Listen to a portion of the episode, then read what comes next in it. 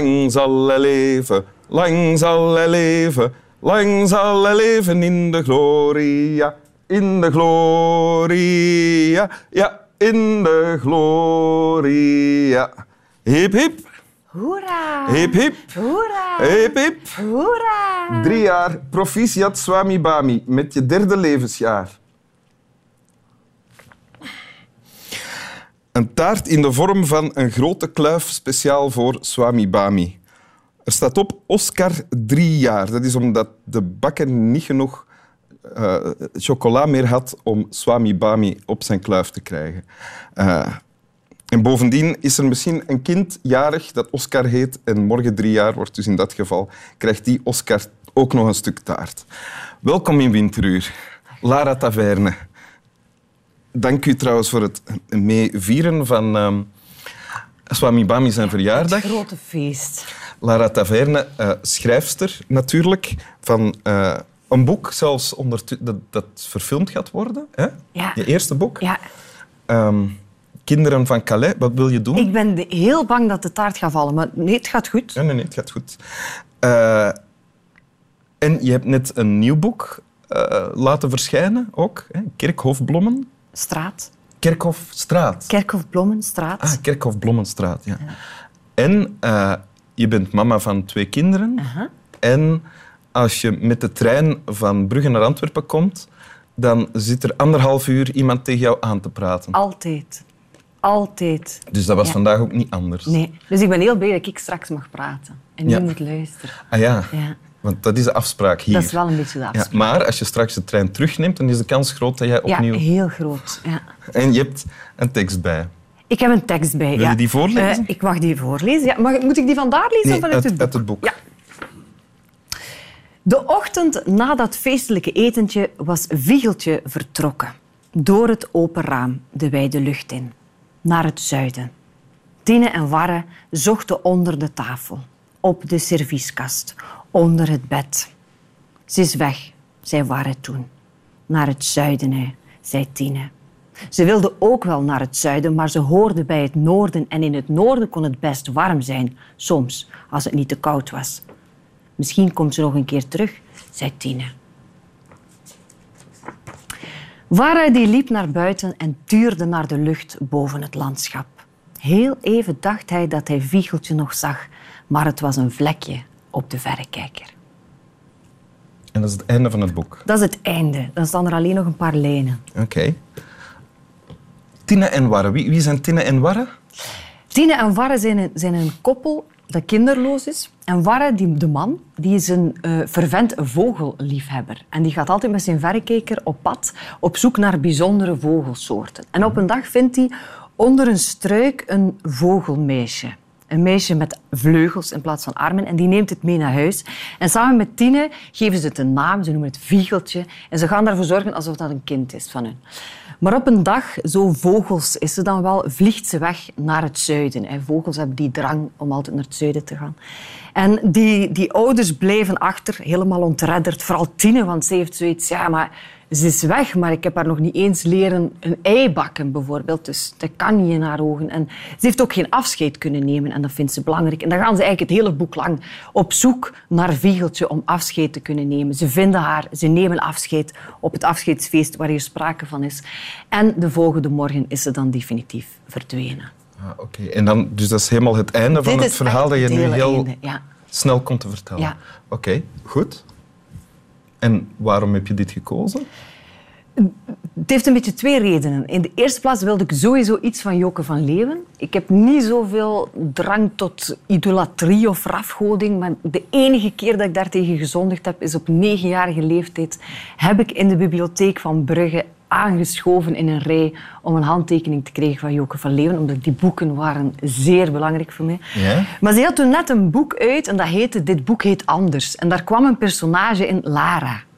Dus ik had een bepaalde voorstelling, terwijl ik in die rij stond, van straks vraagt ze mijn naam, dan zeg ik Lara en dan gaat er iets gebeuren in haar gezicht en dan gaat ze mij een voorstel doen. Bijvoorbeeld, ehm, gaan we pennenvrienden worden? Of kan ik een soort vervangmoeder voor je worden? Dus een grootse voorstelling. En ik heb alleen een handtekening gekregen. geen woordje erbij, geen zinnetje erbij, geen bepaalde blik uh, van de eerste grote ontgoocheling in het leven van de jonge Lara Taverne. Ja, absoluut. Ehm, maar goed, ik ben daar toch blijven trouw lezen. Ehm, en dit boek is het meest belangrijk geweest... Ehm, en wel om heel specifiek... Oh man, de taart zit al in mijn keel voordat ik hem gegeten heb. Uh, een heel specifieke reden. Uh, ik zelf ben mijn jongste broer verloren op een zeer gelijkaardige manier als dat Iep verdwenen is. Plotseling was die weg. Die was 18 en wij vonden die niet meer terug. Hoe oud was jij?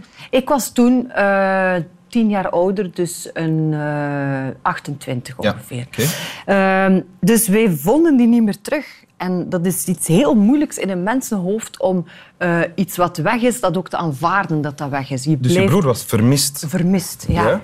Uh, maar, maar, het woord vermist durfden wij daar zelfs niet op te plakken. We dachten, ja, die komt morgen terug of over een uur of straks kruis ik die op straat. Weg is een heel moeilijk woord om in een hoofd te passen. En, uh, dus op een bepaald moment, zes maand later, hebben ze dan mijn broer gevonden. Die, is, uh, die was onderkoeld geraakt in het noorden van Lapland.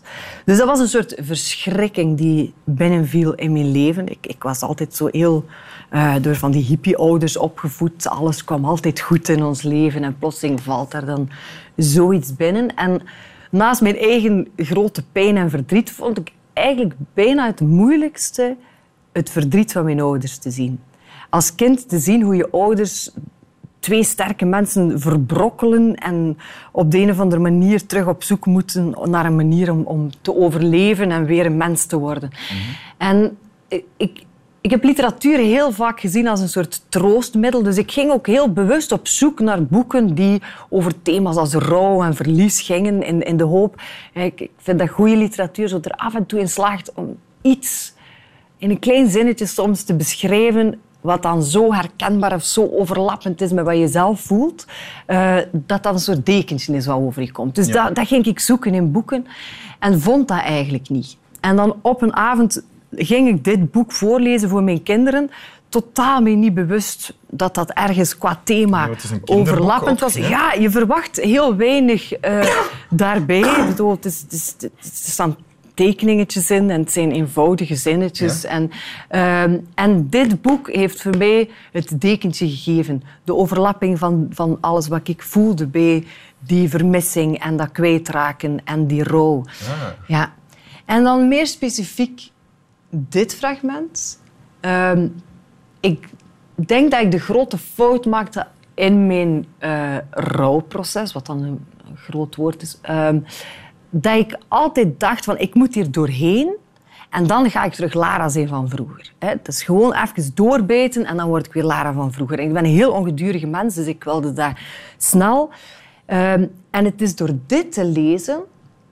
Warre liep naar buiten en tuurde naar de lucht boven het landschap. Even dacht hij dat hij Viegeltje nog zag, maar het was een vlekje op de verrekijker.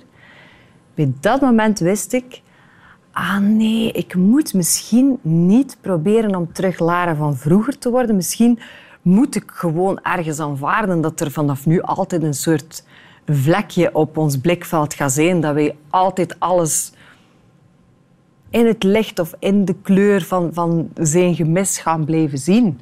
En dat het niet hoeft om helemaal te herstellen naar wie ik was daarvoor. Het moet niet opgelost geraken. Ja. Ah, ja. En maar dat ontdekte je al voorlezend aan je kinderen?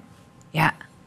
En dat vind ik zo bijzonder aan die boeken van Joke van Leeuwen. Uh, kinderboeken zijn heel lang gezien als ja, het belangrijkste is een, interessant verhaaltje het moet een beetje spannend zijn. En dat vinden kinderen leuk. En Joke van Leeuwen neemt kinderen heel serieus. Ik doe dat ook in mijn opvoeding. Ik vind dat belangrijk, dat kinderen het gevoel hebben ze zijn echte mensen. Uh, dus zij gaat niet alleen zomaar verhaaltjes geven, zij gaat ook heel erg bezig zijn met taal bijvoorbeeld. Hè. Uh, ik had verteld, als het, het, het vogelmeisje vinden dan heette ze haar vogeltje, want ze lijkt wel een beetje op een vogeltje. Maar vogeltjes die kan de O niet zeggen, dus dan veranderen ze de naam naar Viegeltje. Ehm, en dat vind ik heel mooi, dat um, op die manier gaan kinderen eigenlijk nadenken over wat is taal eh, een vogeltje. Op wat slaat het allemaal en wanneer val je daar buiten, buiten de categorie van Ah, vogeltje. En als, als je niet binnen de categorie past, ja, dan kun je misschien een nieuw woord maken, een viegeltje. van Leeuwen nodigt uit totaal filosofie. Absoluut, Ja. Ehm, wordt- maar mijn Maar kinderen dus, kunnen... je, je las dit voor aan je kinderen Ja. en toen overviel je wat je daarnet beschreef. Ja. En merkten je kinderen dat dan? Ja, absoluut. Ja. Ah, ja. Ik ben daar wel eh, heel erg door geraakt geweest. Want ik, kon altijd, ik was eigenlijk altijd in staat om mijn verdriet op te sparen tot zij in bed lagen. En eh, dan ben ik zo net voor de eindmeet gefaald. Want dat was bij het, eh, het avondritueel, las ik voor. En de, de, de ha- nou, eh, het was dubbel. Aan de, ene, aan de ene kant was ik zeer emotioneel daarbij. Maar aan de andere kant ook eigenlijk wel een beetje gelukkig. Dat het zo eh, samenviel. Dat ik Ja. daar niet alleen mee was of zo. Ja. Wil je het nog eens voorlezen? Ja. Dat was een zucht. Dat was een zucht van Swami Bami. Die een- betekent, is bijna gedaan dat ik aan mijn kluif kan beginnen. Dat is een goede zucht, ja. De ochtend na dat feestelijke etentje was Viegeltje vertrokken. Door het open raam de wijde lucht in, naar het zuiden. Tine en Warre zochten onder de tafel, op de servieskast, onder het bed. Ze is weg, zei Warre toen. Naar het zuiden, hè, zei Tine. Ze wilde ook wel naar het zuiden, maar ze hoorde bij het noorden. En in het noorden kon het best warm zijn. Soms, als het niet te koud was. Misschien komt ze nog een keer terug, zei Tine. Warre die liep naar buiten en tuurde naar de lucht boven het landschap. Heel even dacht hij dat hij Viegeltje nog zag, maar het was een vlekje op de verrekijker. Dank u wel. Snap wel.